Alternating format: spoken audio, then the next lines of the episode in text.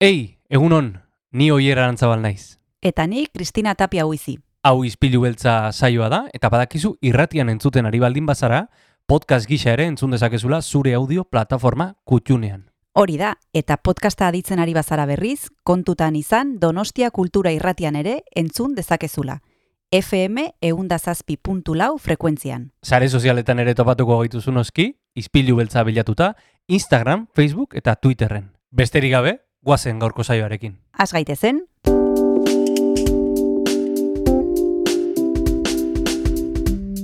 Ispilu beltza. Donostiako kulturaren berri, Oyer Arantzabal eta Kristina Tapia buizirekin. Egun honen zule urtarrilak amar ditu aste artea da, eta bagoaz gaurko izpilu beltza begiratzera. Egun hon, Kristina. egon oier zer mu zabiltzaia pasadezu astelen gogorrau. Aldapa igo dezu ja. Bai, ez dago horrenetakoa izan, Ez. eh? Ez dituko zurre esango. Ez, baina, bueno, bai, azelen guztiak daukate puntu mikatza. E, dena dela, presnago, izpilutxo, izpilutxo, galdetzeko gaur zer daukagun e, izpilu beltzean. Gaur daukagu programa oso polit bat esku artean, badekizue asteartetan zinemari buruz aritzen garela eta horretarako gonbidatzen ditugu Kresala Zineklubeko lagunak. Gaur etorriko da Pedro Saldaña, berak eh, aukeratu duen eh, pelikulak izena du Abrazame Fuerte, Mateo Amalrik eh, zuzendariak eh, egindakoa. Oso elkarrizketa polita izango dugu berarekin, beti bezala, eta gainera, gonbidatu dugu Imanol Ubeda, badekizue proiektua, bidertzean izena zuen proiektua alde batera utzi zutela bere garaian, Don Inorrez sortu zuten gero, eta e, horren arira kontzertua eskainiko dute lugaritzen, e, errepasotxo bat egingo dute, e, bere haien e, disko guztiak errepasatuko dituzte, eta guk hoien inguruan galdetu, galdetu diogu Imanoli, eta baita ere ze gauza dituzten esku artean, eta zerbait kontatuko digu. Bueno, badauka zer kontatzeko eta seguru musika ederra ere ekarriko digula. Hori guztia gaurko izpilu beltzean, besterik gabe, guazen Jon, musika ederrarekin. Guazen.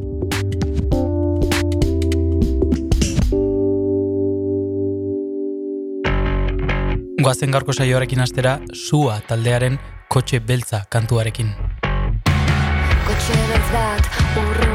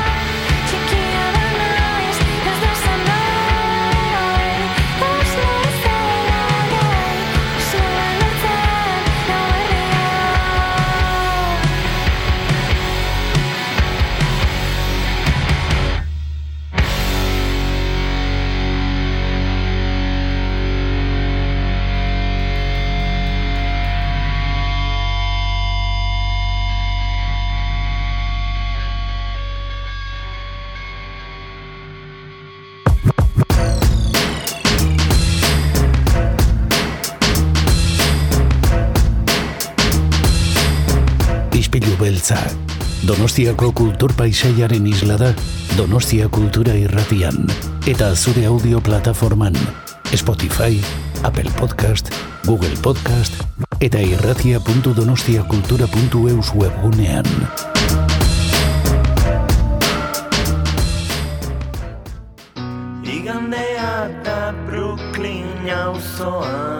Musika ederronek izena bizenak ditu, Imanol Lubeda, Don Inorrez proiektua, eta jarraian ispilu beltzean, Kristina, berarekin itziteko aukera izango dugu. Mhm. Aitzakia izan dugu, lugaritzen eskainiko duten e, kontzertua, ze horregatik e, ba, izan dugu aukera beraien e, disko batzuk errepasatzeko, proposatuko dizkigu abesti batzuk, eta kontatuko digu e, zertan dabiltzan orain, oso elkarrezketa polita izan dugu Imanol Ubedarekin, orantxi jarraian entzungo duzuna entzule. Jarraian ispilu beltzean.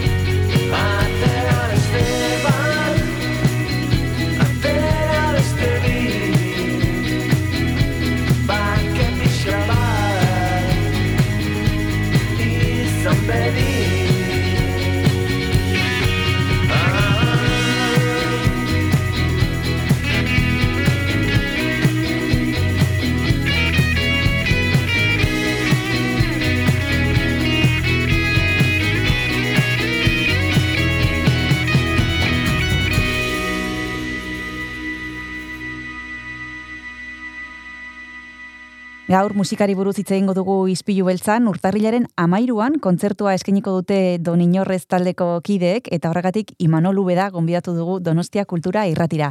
Egun hon Imanol, zer modu zaude? Kaixo, ba, oso ondo, oso ondo eskerrik asko deiaren gati.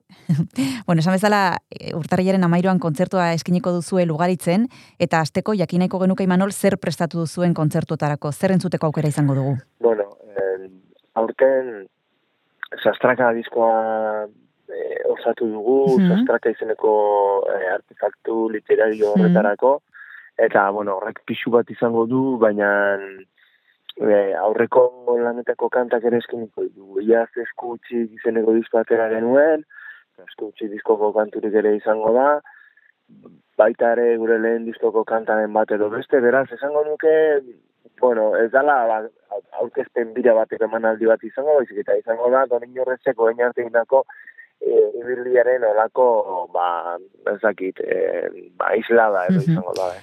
Eta ongirutzen baldin zaizu, Imanol, nik proposatu nahi dizut gauza bat, eta da gurekin ere errepasatzea don inorrezen e, ibilbidea. Eta aipatu duzu e, azuen azken lana, sastraka izenekoa, aurken argitaratutakoa, zuka definitu duzu artefaktu bat e, bezala, ze gauza asko dira, bakarrikan e, ez dago musika bertan, eta hortik e, kantu bat e, aukeratzea eskatzen badizut, e, zein gomendatuko zenieke e, entzulei, zein etortzen zaizu burura, eta zergatik? Bueno, ba, nik eh, arrazoi ezberdinatik lehenengoa eh, aukeratuko nuke. Eh, ba, diskorako inuen lehenengo kanta izateaz aparte, eh, bueno, ba, eh, badakizu zestrakan eh, pelio lizarralderen eh, narrazio badagoela oinarrian, eta, eta narrazio horretan ere lehen esaldia eh, horixe da, ez? Orduan, hori abia puntua izan zanez, nik uste dut ere ondo kokatzen duela sastraka zer den, eta aukeran, bat aukeratu beharko banu, hori aukeratuko nuke. Oso ondo, bagoazen entzutera kantu hori, eta oraintxe bertan zer egitu dugu Imanol Ubidarekin hitz egiten.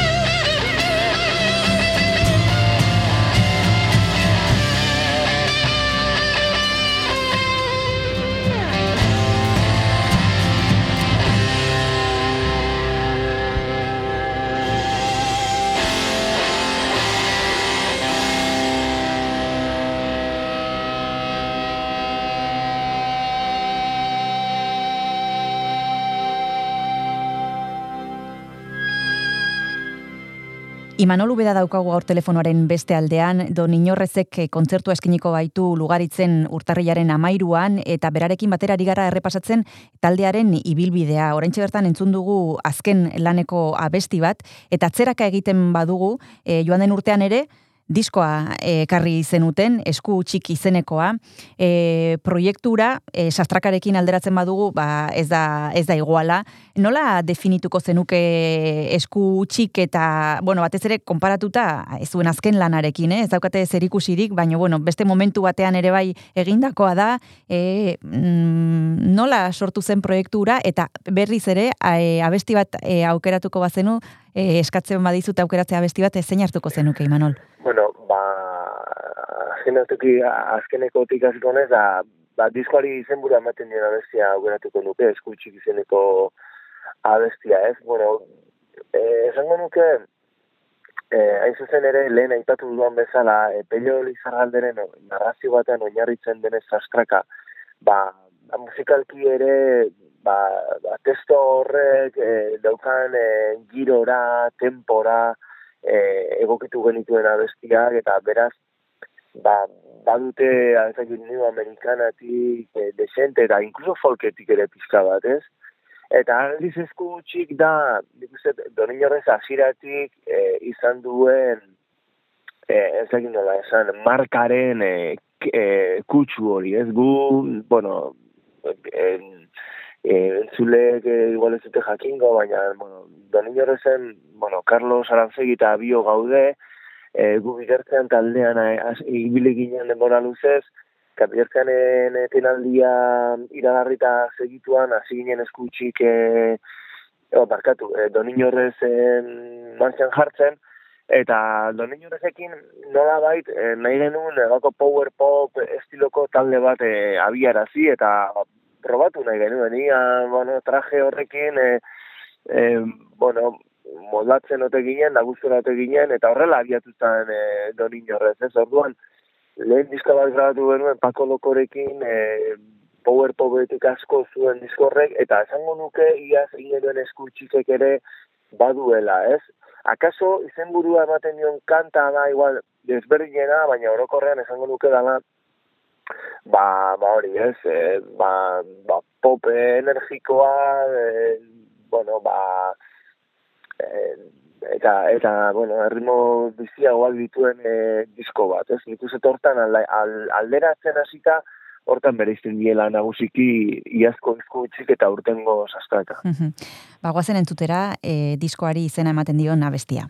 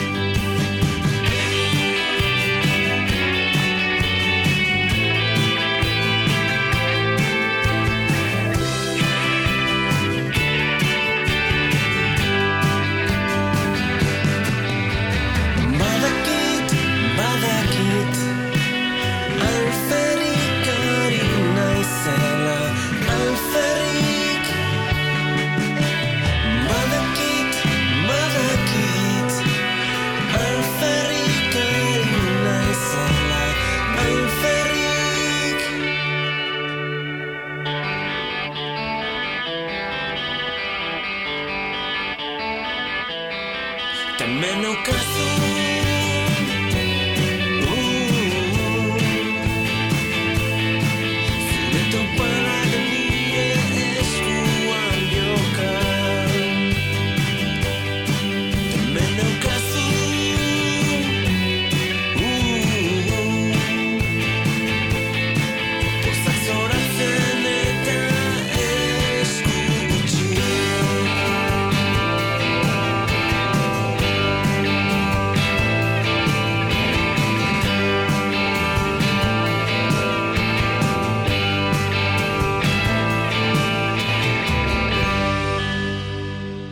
Donostia kultura irratian jarraitzen duzu, entzule eta gaur musikari buruz ari gara, izan ere Don Inorrezek eh, kontzertu eskeniko du lugaritzen urtarrilaren amairuan, arratsaldeko zazpiterdien tanitzei, arratsaldeko zazpiterdiatan izango da, eta horretarako gonbidatu dugu Imanol Ubeda, proiektuaren kidetako bat. E, aipatu duzu Carlos Arantzegi, ja lehendik ere elkarrezagutzen zenuten, eta esan bezala bidertzean proiektuari deskantsu bat eman e, zenioten, eta gero sortu zenuten e, proiektu berri hau. Eta musikaren munduan e, ez gabil, ez gabiltzanok e, pentsatuko dugu, nik pen, hori pentsatzen du, jo, nola, e, deskantsu ematen zaio gauza bati, eta beste bat sortzen da, eta nola erabakitzen da nola izango den proiektu berri hori. E, bakoitzak bere estiloa dauka, zuek justu gainera beste proiektuan elkarrekin arietakoak zineten, orduan nola, nola zuen artean eztabaida zen duzue jakiteko ze, ze bide izango duen kasuntan e, don inorrezek. E, hori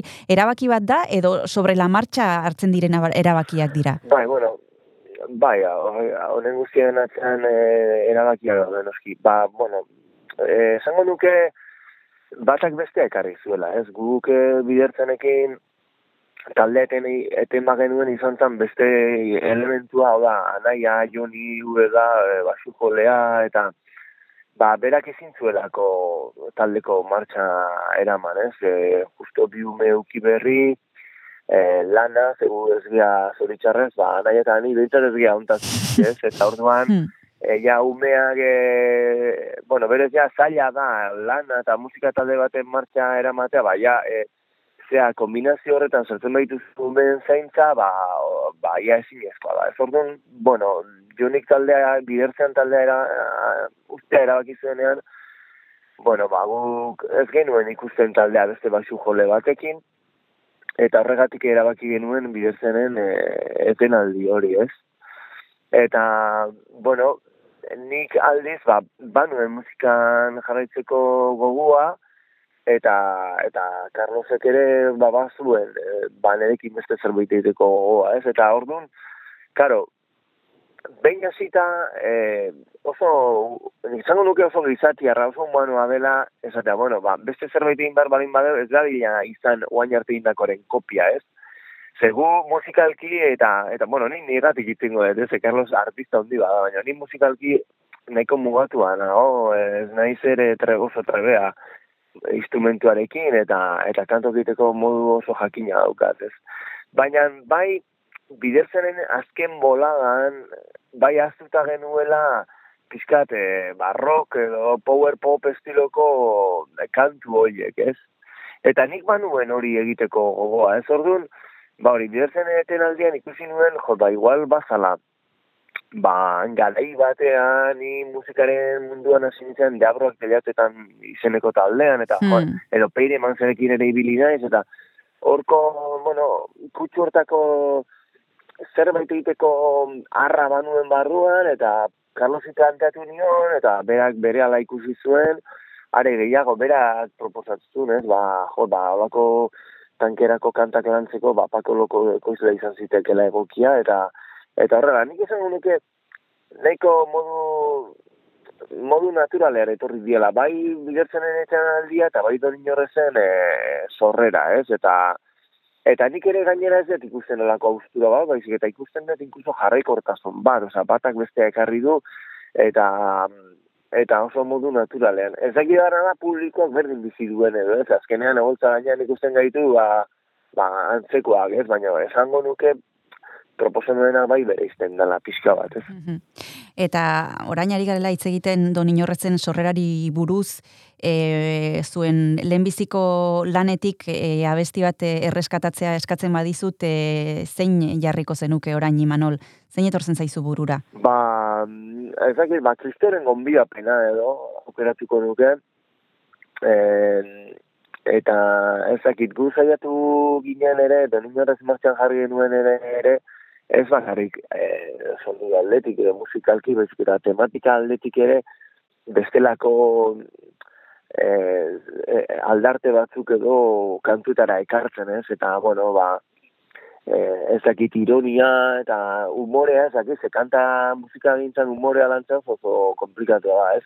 Baina bai ironiaren aldeko e, apostu hori letretan eta eta bueno, e, zertatu horrek pixka bat oso ekartzen duela bueno, e, asmo horren e, ba, ideia, ez? Mhm. Primera, magoazen entzutera.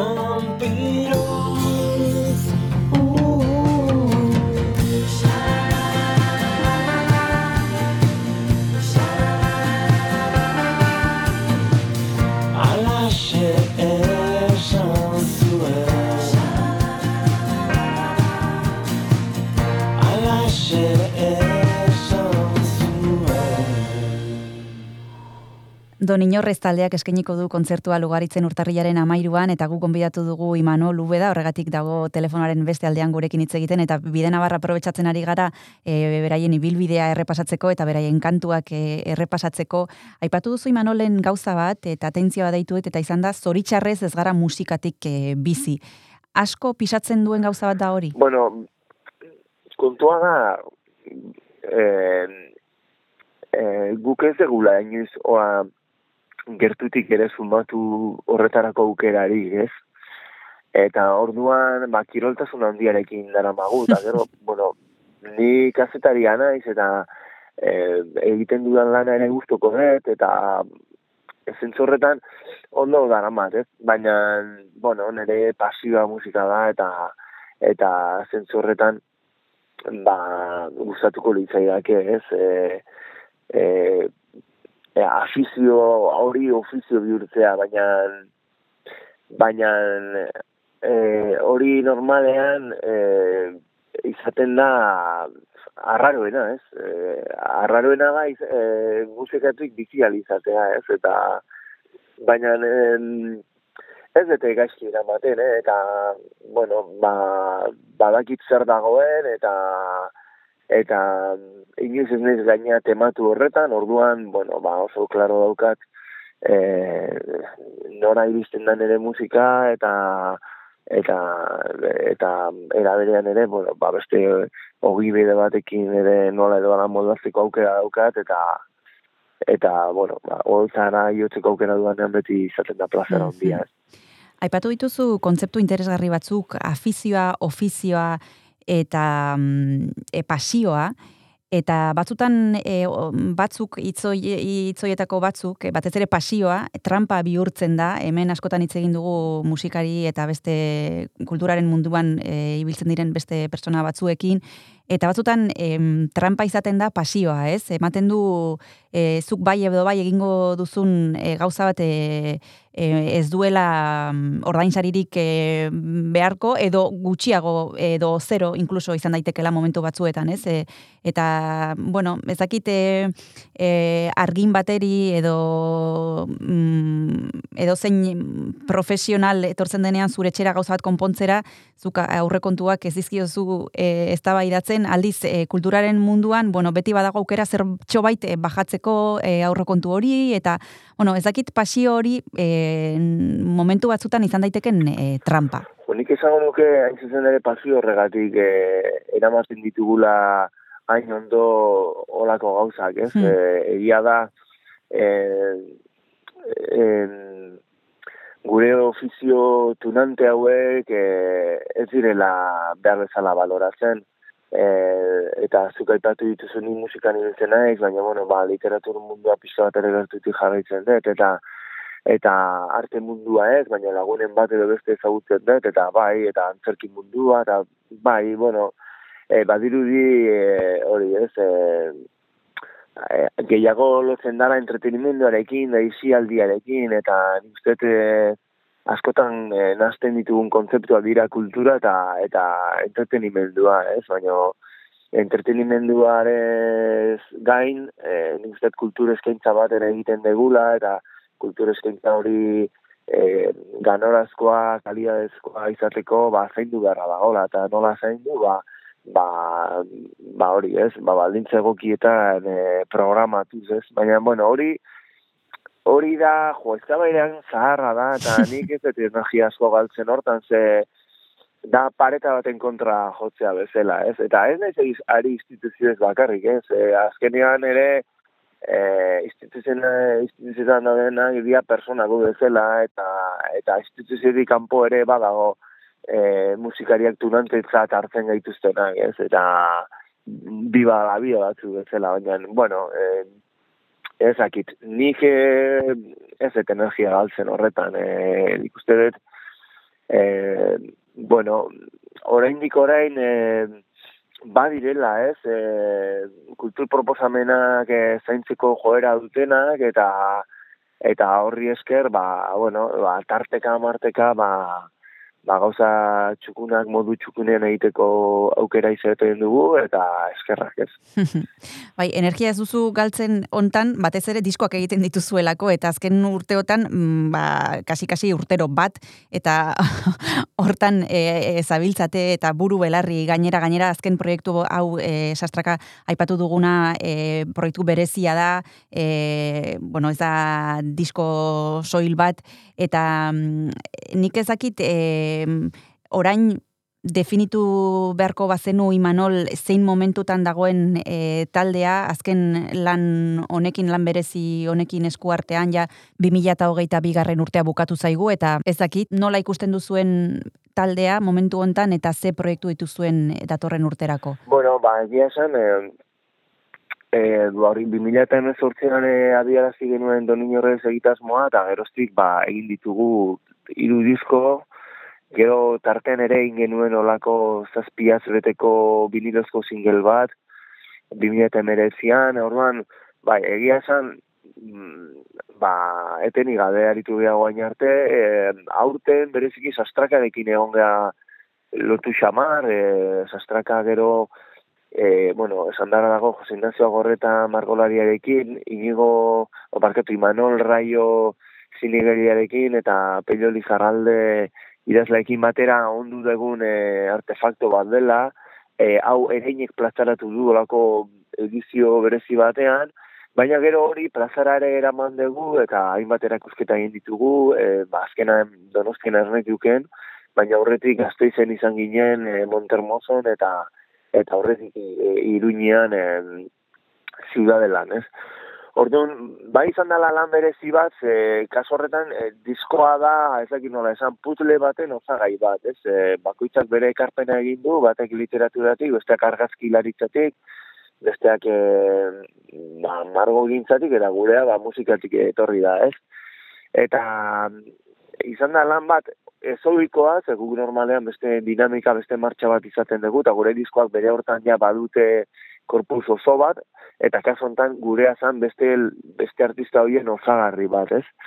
Baina, bueno, hori esan da, bueno, ba, gure asmoa da, hogeita iruan, 2008 iroi begira, ba, bueno, baditugu emanaldi batzuk egiteko asmoa, eta eta orain zaila ite zaite zer aurreratzea, ze, bueno, ba, kantu, kantu berri batzuk ere baditugu, eta horretan ari gara, baina ez daukegula, epe erdira bintzat ez dago ezer grabatzeko asmorik. Orduan, bueno, ba, hogeita batean disko bat genuen, hogeita bian txastrakarekin e, ibili gara, ba, ez dakit, hogeita iruan, igual, behintzat estudioko lanak lasaiago hartuko ditugu, eta eta denborak esango du, ez? Bueno, geita iruan daukaguna eta da oraintxe bertan gainera, eta kontzertua e, lugaritzen, e, eta guk entzulei esango diegu nahi izan ez gero eta izan ez gero e, joateko ikustera eta entzutera do inorrez, ze esan bezala e, errepasatuko dituzte beraien e, lanetako abestiak. Eskerrik asko, Imanol Ubeda izpilu beltzara hurbiltzeagatik eta hurrengor arte bezarka da bat. Ba, beste bezarka bueltan, da, eskerrik asko. Aio.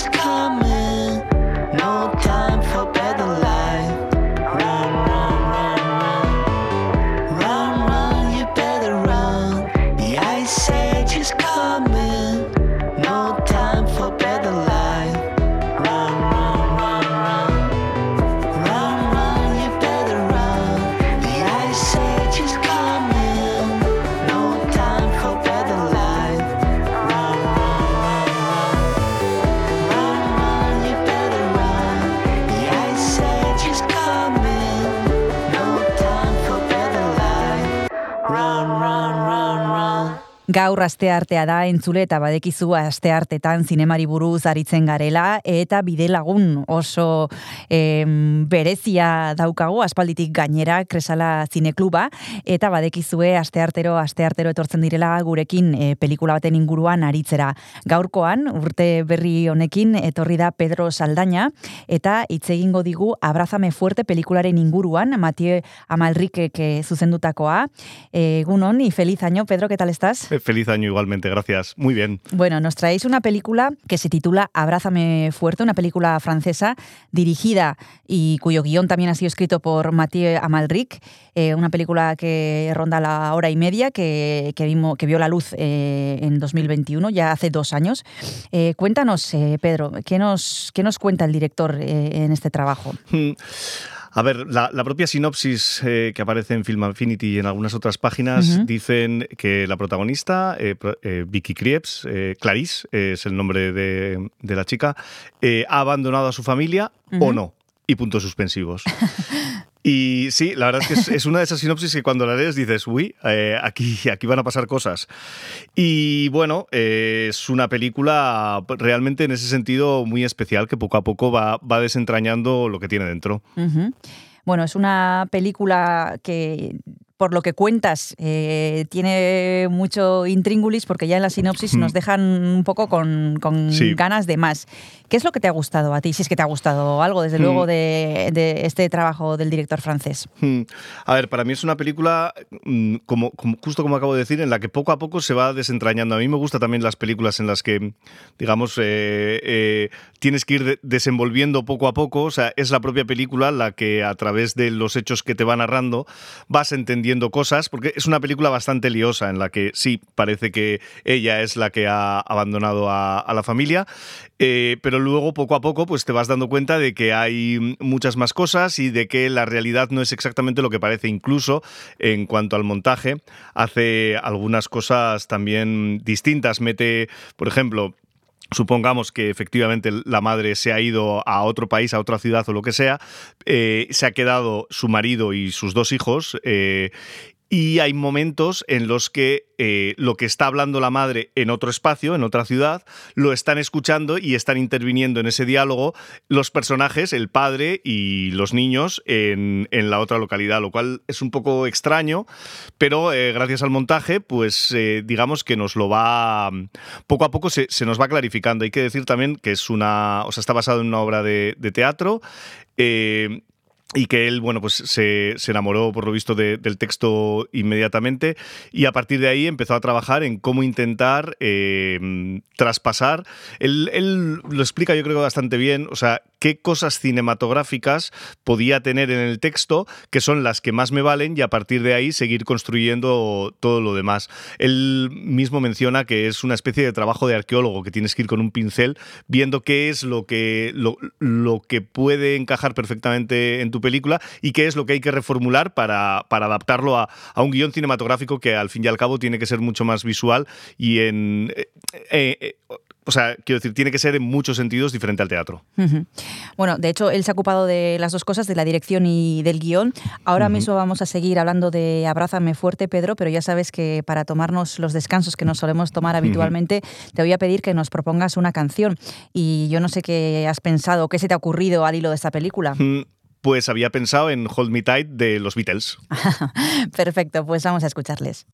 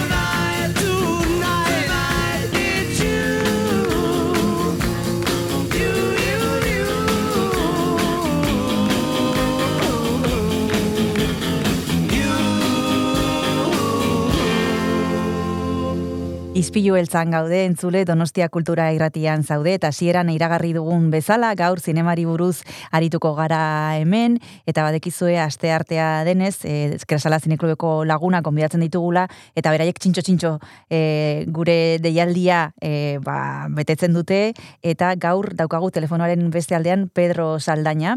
Eh, Abrazame fuerte pelikularen inguruan ari garaitze egiten badekizue pelikula eh, pelikulak argia ikusi zuela duela bi urte 2021 bat garren urtean, Frantziakoa da, eta zuzendaria eta gidoigilea kasu hontan Mateo Amalric eh, da. Eh, estábamos hablando de una película que antes has dicho eh, un poco liosa. Eh, yo no sé si eso es sinónimo de difícil y nos va a costar seguir el argumento o vamos a sentirnos en algún momento perdidos o no. Sí, digamos, a ver, mm, liosa, no sé si es exactamente la palabra, pero sí es, es una película que no, eh, digamos, que no es lineal y que lo que te cuenta en un primer momento, lo que tú crees entender en un primer momento, no es lo que exactamente está sucediendo. Y a partir de ahí, eh, creo que muy hábilmente Matthew Almalric, en su faceta de, de director, eh, mm, es capaz de, de poco a poco, eh, eh, los guiones de las películas normalmente se, se dividen en, en actos, en los tres actos. Digamos que en cada uno de los actos vamos pensando cosas distintas. O sea, en el, en el primer acto estamos como tragándolo todo y diciendo, ah, vale, pues sí, pues ha ido de casa. En el segundo ya es como, "Mm, aquí están sucediendo también cositas que no sé qué. Y luego ya en el tercero es cuando, cuando todo termina clarificándose. Yo creo que mm, de alguna manera sí es, eh, es un... Bueno, estoy pensando también, mm, eh, salvando las distancias, por el amor de Dios, pero como cuando la primera vez que ves eh, Pulp Fiction o cualquier película que está desordenada, eh, el, orden que ha impuesto el, director en la película te hace entender la película de una determinada manera, sobre todo cuando la has terminado. Durante el viaje, digamos que estás a sus expensas y a lo que él te quiera mostrar y, por dónde te quiera conducir. Para mí ahí suele estar la diferencia entre, entre una película para mí buena o una película más, digamos que, que del montón, cuando de- durante todo ese tránsito tú te sientes perfectamente acompañado y no digamos que te sientes listo por haberte dado cuenta de no sé qué, pero sí que te pone hitos en, el, en la carretera que tú eres capaz de, de ver, cualquier espectador quiero decir, ¿eh? y darse cuenta de que, vale, entonces esto no es como yo pensaba hasta ahora. A ver qué es lo que ocurre a partir de ahora y él plenamente consciente de que ha puesto ese hito en la carretera para que tú pienses eso, te conduce exactamente por donde pretende conducirte. ¿Te gustan a ti este tipo de juegos? Porque has dicho, hay hitos eh, que el director nos pone y podemos sentirnos listos cuando vemos que efectivamente lo que nosotros pensábamos es así, pero al contrario también puede suceder. Ves que avanza la película y tú no das con, con lo que está ocurriendo realmente. ¿A ti te gusta eh, que te propongan este tipo de, podríamos decir, entre comillas, juegos? Sí, yo creo también que muchas veces, ¿eh? no siempre, pero muchas veces tiene que ver con el nivel de concentración con el que vemos las películas. Realmente, si estás muy concentrado, o sea, si estás viendo la película y, y no, ahí va, se me ha olvidado comprar gambas para no sé cuándo, o no estás pensando en, en otra cosa, realmente eh, las películas. Claro, nosotros vamos a un cine, estamos en una hora y media, nos levantamos, comentamos con el de al lado, me ha gustado, no me ha gustado, nos tomamos algo y nos vamos para casa. Pero la película tiene un proceso anterior que es eh, infinitamente más largo. O sea, está toda la, toda la fase de, de preparación, eh, toda la fase de adaptación desde eh, un texto a- al guion. Luego está el tema de, bueno, cómo vamos a hacer esto, conseguir los fondos, pulir el guion, cosas que no le gustan a, a no sé quién, cómo, cómo intentar mejorarlo. Quiero decir, en realidad es, es un trabajo muy pensado. Es verdad que a veces vemos películas y decimos, esta película es un auténtico pestiño, pero realmente o sea, por un lado es, es como muy fácil porque son muchas cosas distintas que tienen que encajar muy bien y por otra parte es muy difícil porque hay mucha gente pensando en eso. No solo el, director o el guionista, también el director de arte tendrá sus preguntas y tendrá sus contradicciones de la película.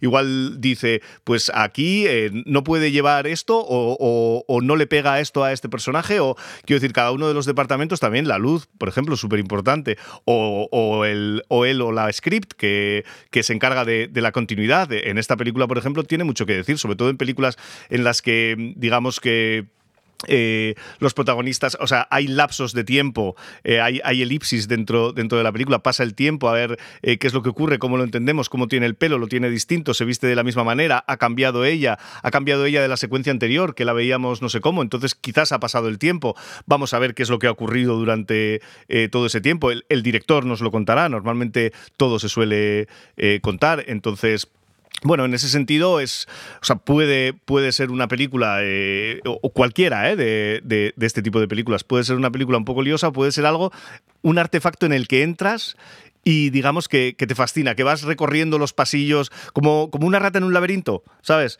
Pero digamos que eh, el director te pone como un, camino para, para, para que tú sigas y tú más o menos lo sigues. Luego también es verdad que hay directores a los que les gustan los finales eh, más abiertos, los finales menos abiertos, etcétera. Eh, pero, pero normalmente hay, hay un itinerario que seguir y lo más normal es eh, que el espectador, bueno, pues lo siga, lo siga más o menos para entender lo que el director quiere que entienda.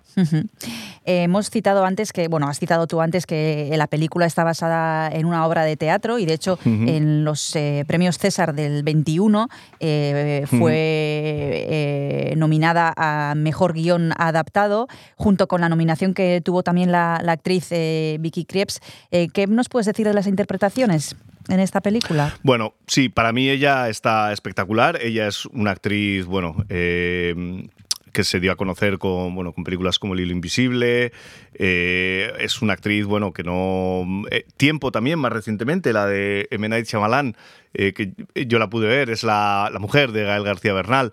Eh, tiene una serie de películas que, bueno, que son bastante interesantes y por lo que cuenta el propio Mateo Amalric, que también es actor y tiene una carrera, de hecho, como actor bastante interesante, eh, él, él dice que, bueno, que desde el primer momento hubo, hubo una conexión instantánea entre ellos, que a él le gustaba mucho el trabajo de ella en, en El Hilo Invisible y que trabajar con ella fue muy fácil, incluso también menciona que, durante el, hecho de que de el impasse de la pandemia que les debió eh, pillar montando la película, le vino bien para poder hacer muchas pruebas. Porque claro, también a veces, quiero decir, si pruebas algo arriesgado, lo suyo es probarlo varias veces. O sea, probar varias cosas y ver cuál de esas es la que realmente a ti te, digamos, que, te transmite y que luego tú quieres transmitir al espectador. Entonces, en ese sentido, hombre, la, la actriz está espectacular. Luego la familia de ella sale también bastante, sobre todo el padre, los niños también, pero salen, salen algo menos. La, la protagonista absoluta en la película es ella y yo creo que lo hace de manera espectacular porque es un personaje que pasa por muchos momentos. Le vamos a ver reír, le vamos a ver llorar, le vamos a ver derrumbarse, le vamos a ver saltar de alegría, le vamos a ver en muchos momentos y eso normalmente, si la interpretación es buena, suele ser, quiero decir, para el espectador es una interpretación con la, con la que se queda para siempre, por decirlo así. Bueno, ahora mismo vamos a seguir hablando de esta película, de Abrázame fuerte, pero nos vamos a tomar el segundo descanso y después de haber escuchado a los Beatles, Mm. Pedro, ¿qué se te ocurre? Pues una canción que me gusta mucho de un artista que se llama Chantel, no sé si la he puesto ya antes, creo que no, que se titula Disco Partizani. Perfecto, pues vamos a escucharle.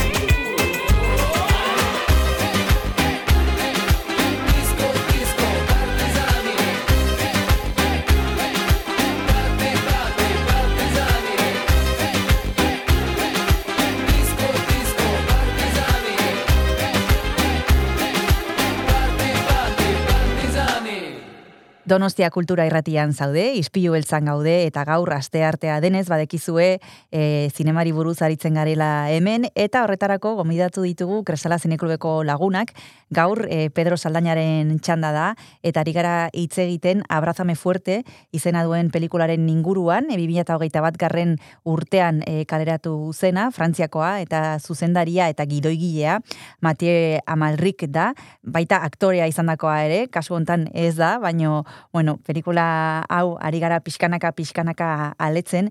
Eh, Pedro, en varias críticas que he leído así, eh, se repite una palabra y es belleza.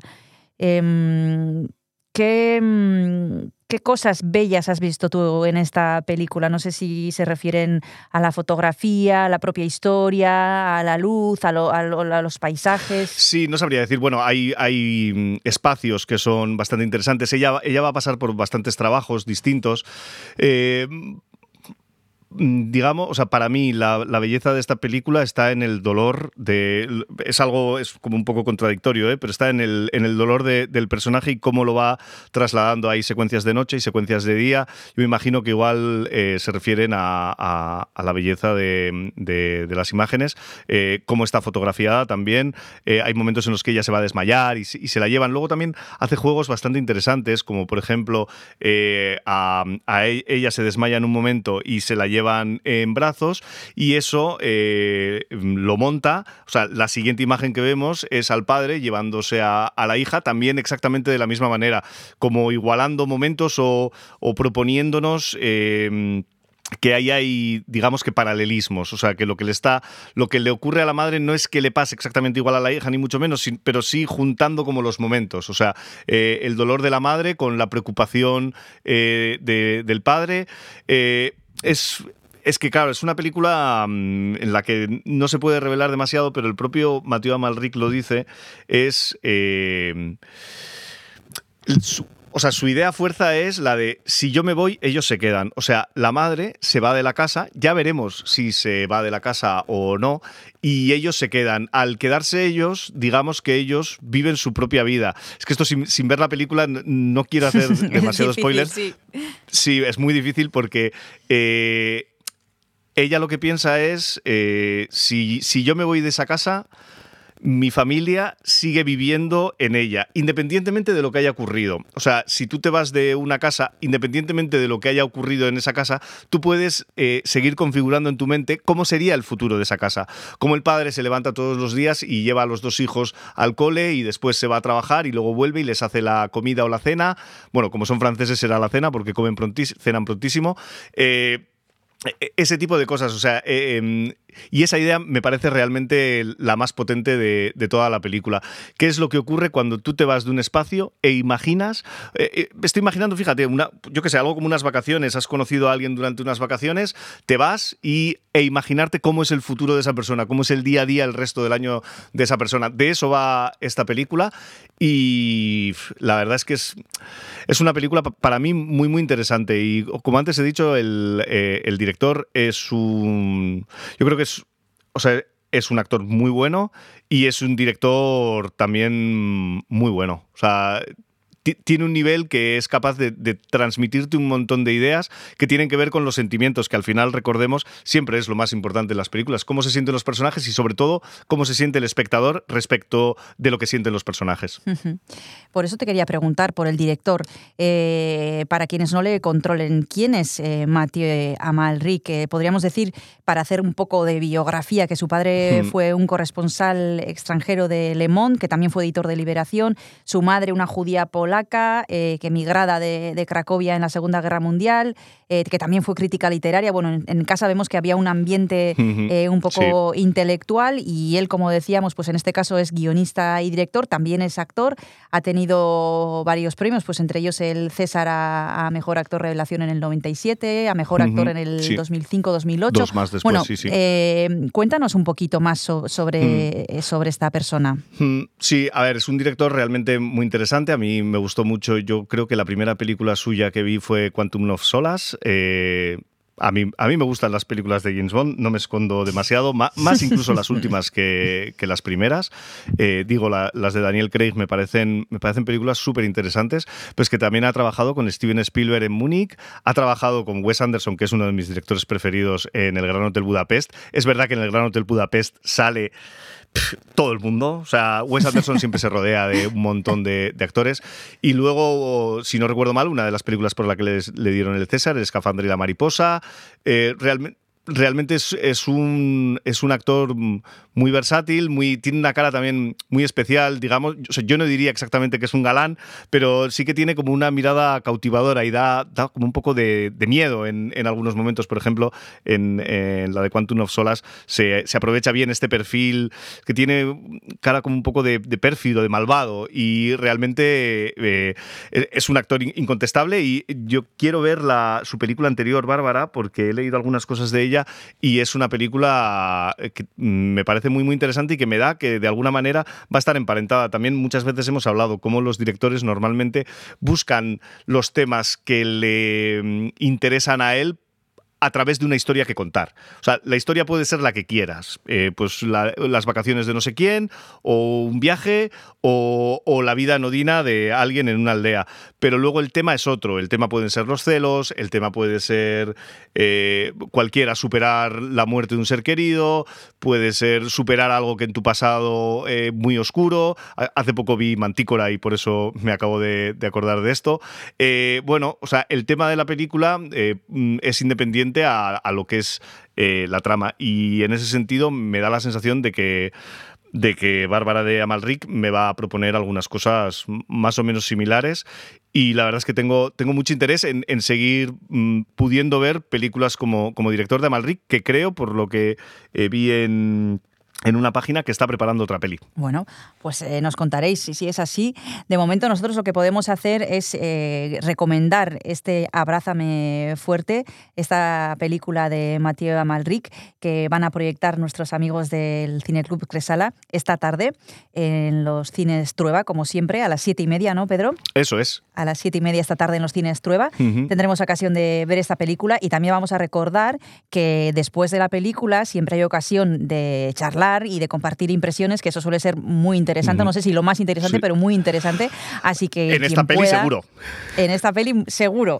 Eh, siempre lo es, pero en esta más porque ya nos ha dejado caer Pedro que tiene, bueno, que nos va a ir proponiendo un juego y que tendremos que estar muy, muy, muy conscientes de, de- de- de qué nos quiere decir el director y a ver si somos capaces de, de desentrañar, eh, bueno, pues lo que, lo que nos propone. Pues como decíamos, esta tarde a las siete y media, abrázame fuerte. Muchas gracias, Pedro Saldaña, por haberte acercado a Ispillo Belza y hasta la próxima. Milla Esker. Muchas gracias a vosotros. Hasta la próxima. Agur. Agur.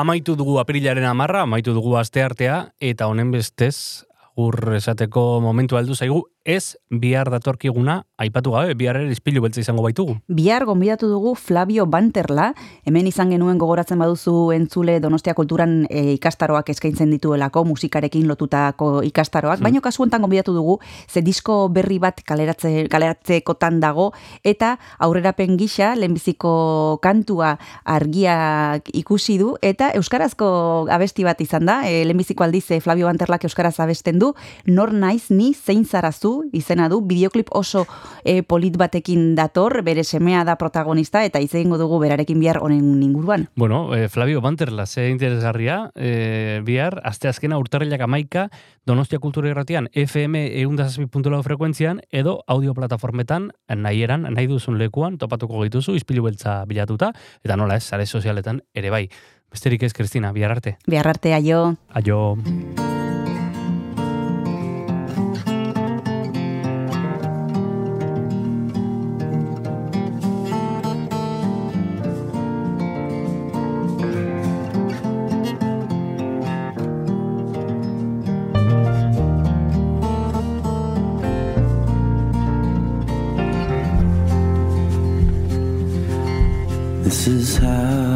tell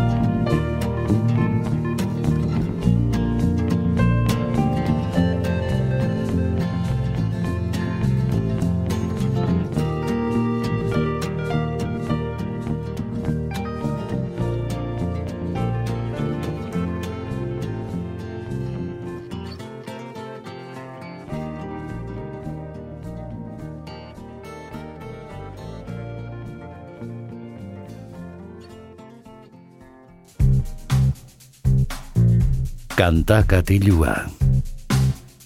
Jon Gartziaren eskutik. Egun honen zule ongietorri kantakatilura ispilu eltzari amaira emateragoaz beste egun batez eta musikarekin egingo dugu egunero egiten dugun moduan hemen Donostia Kultura Irratian eunda zazpi pundolau frekuentzian eta tira gaurkoan e, eibarrera joango gara mila bederatzireun da larogeita meretzian sortutako talde baten azken lana ezagutzera kokain taldeari buruzari gara e, kokain rock taldea eta orentxe bertan kaleratu berri dute atomika izeneko disko ederra eta bikaina. Eta besterik gabe goazen lehen abestiarekin hau da argirik gabe dantzan